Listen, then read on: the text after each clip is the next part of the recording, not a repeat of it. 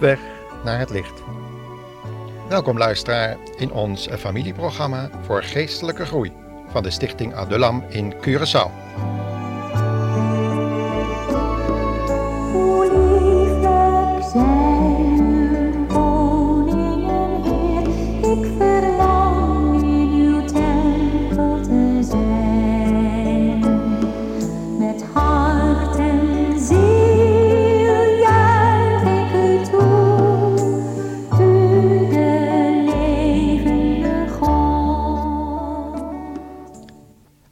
Voor vandaag is de woningen van God. Denken wij wel eens na over de woonplaats van de eeuwige God, luisteraar? Wonderlijk eigenlijk dat God, die grote schepper van dat immens grote heelal, met daarin die kleine aardbol waarop wij nietige schepselen mogen wonen, spreekt over een woning. Ergens in de Bijbel staat dat God niet woont in een huis wat met handen is gemaakt, maar in de hemel, waar ook het vaderhuis is, en daar heeft de Heer Jezus met zijn discipelen over gesproken. Wij drukbezette mensen zijn helaas vaak zo druk met onze dagelijkse arbeid dat we nauwelijks de tijd vinden om na te denken over die woonplaats van God en onze eindbestemming. David, de man naar Gods hart, heeft ondanks zijn drukbezette leven toch die tijd gevonden. God heeft de tijd die hij hiervoor had uitgetrokken gezegend met inzicht. Een inzicht in Gods gedachten en plannen dat resulteerde in de tempel van Salomo, de vredekoning.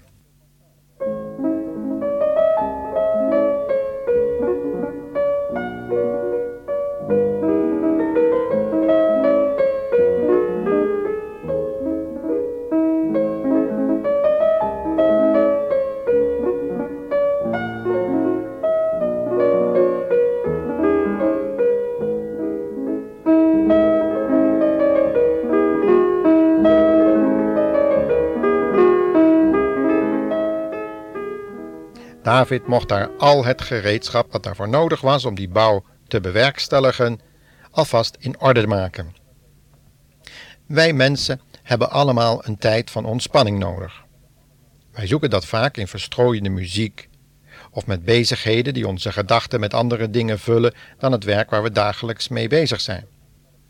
Christenen vinden deze ontspanning vaak in het onderzoek van Gods gedachten, die zij in de Bijbel terugvinden. Vaak willen zij datgene wat ze hierover hebben gevonden delen met andere gelovigen. En daardoor zijn er geregeld samenkomsten van gelovigen die allen bezig zijn met dezelfde Heer en met diezelfde toekomst. Het is de God van de Bijbel en Jezus Christus zijn Zoon. Ook David kende deze bijeenkomsten die in zijn tijd plaatsvonden in en rond de zogenoemde tabernakel. Een eenvoudige tent waar de ark van God stond en van waaruit God zijn gedachten verwoordde door middel van de priesterdienst. David heeft daar vele kostbare uren doorgebracht, in gebed verzonken, of luisterend naar wat de priesters hem vertelden, of lezend in het wetboek van Mozes en soms ook schrijvend over zijn eigen ervaringen. We vinden deze ervaringen terug in het boek van de Psalmen, waar ook anderen hun bijdrage aan hebben gegeven. God zegende deze bezoeken aan de tabernakel, en ook wel dus tentwoning genoemd, door op een heel speciale wijze de ziel van de gelovigen te troosten, te bemoedigen, op te beuren en tevens aan de geest van de mens nieuwe inspiratie te geven. Hierdoor ontstond er lofprijzing en aanbidding. Vaak bracht dit met zich mee dat er offers werden gebracht. Offers van dank, lof en aanbidding. Omdat de gelovigen die hun levens aan God hadden toegewijd, hiermee hun liefde en afhankelijkheid wilden tonen. Is het wonder dat David dan zegt in vers 2 en 3: Heren van de hemelse legers, wat zijn uw woningen prachtig! Ja, dat is werkelijk waar. En dan vervolgt hij in deze psalm: Ik smacht van verlangen om bij u te komen.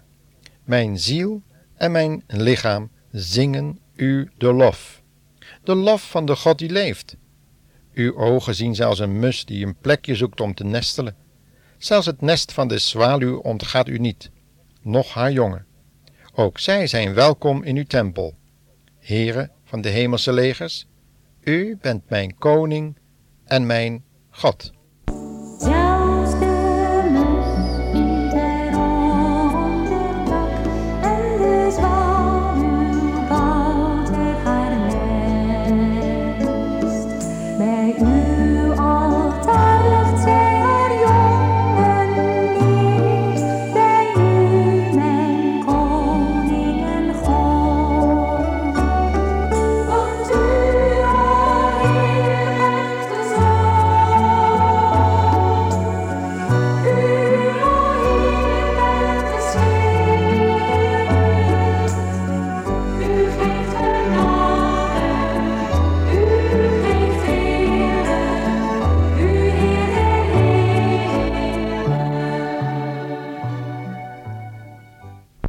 U kunt het allemaal lezen in Psalm 84. David heeft ervaren dat geloof niet alleen een functie van het verstand is. Zo'n geloof zou snel uitgeblust kunnen worden wanneer het zielenleven, onze emoties dus, beïnvloed worden door negatieve omstandigheden. En die omstandigheden heeft met name David veel ervaren. Doordat hij zijn geest, ziel en lichaam echter volkomen toegewijd had aan zijn God, de God die leeft, beleefde hij de eredienst als een redelijke eredienst. Dat wil zeggen een alles bevredigende eredienst. Paulus heeft dat met de volgende woorden weergegeven in Romeinen 12, vers 1. Luistert u maar. Ik zeg u daarom, broeders, dat u zich helemaal aan God moet wijden. Te meer omdat Hij u al zijn liefdevolle goedheid aanbiedt. Laat uw lichaam een levend offer zijn, heilig, zodat het een vreugde voor God is.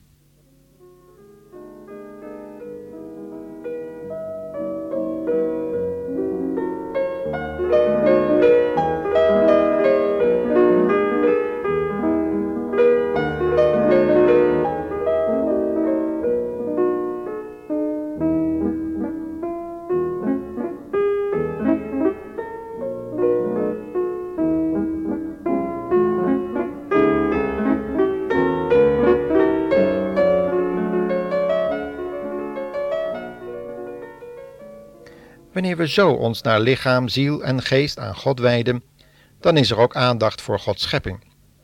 We zien dat God zelfs musjes en zwaluwen in de gaten houdt.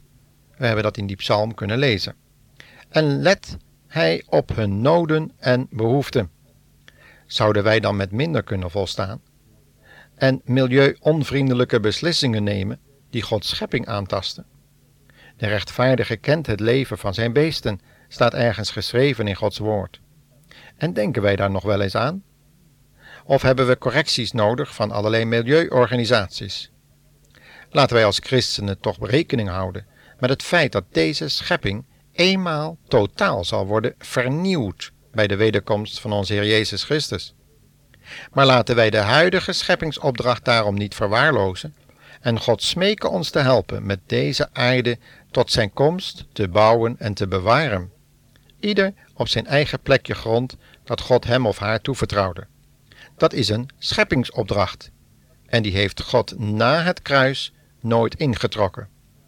Dan zullen wij in het midden van de gemeente ook als levend gemaakte, wedergeboren christenen de lof van onze Schepper, de Heer Jezus Christus, kunnen zingen. Niet alleen onze Verlosser, niet alleen onze Heer, maar ook de Heer van de schepping. En dan zal ook in geestelijk opzicht de vroege en late regen op onze zielen neer kunnen dalen. Het is trouwens bekend dat wanneer er een heel volk of een groep mensen ergens een opwekking beleven in deze wereld, dat God heel vaak de natuurelementen ook ten goede keert en hele landerijen van water voorziet waar in de omgeving een enorme droogte heerst. Maar ondanks deze zegeningen blijft staan wat er in de Bijbel wordt geschreven over de toekomst. Christenen zullen een onbeweeglijk koninkrijk ontvangen, wanneer de genade wordt vastgehouden, door welke wij God wel behagelijk mogen dienen met eerbied en godvruchtigheid, zegt Paulus. Alles wat zichtbaar en onbeweeglijk is, zal namelijk eenmaal bewogen worden als Jezus wederkomt. Hij komt om te oordelen de levenden en de doden, en de huidige aarde zal met vuur gelouterd worden. zodat er plaats kan maken voor de nieuwe hemel en de nieuwe aarde. Maar, ondanks deze feiten, blijft de woonplaats van wedergeboren christenen in de hemel, waar het vaderhuis van God is en de Heer Jezus al de zijnen verwacht.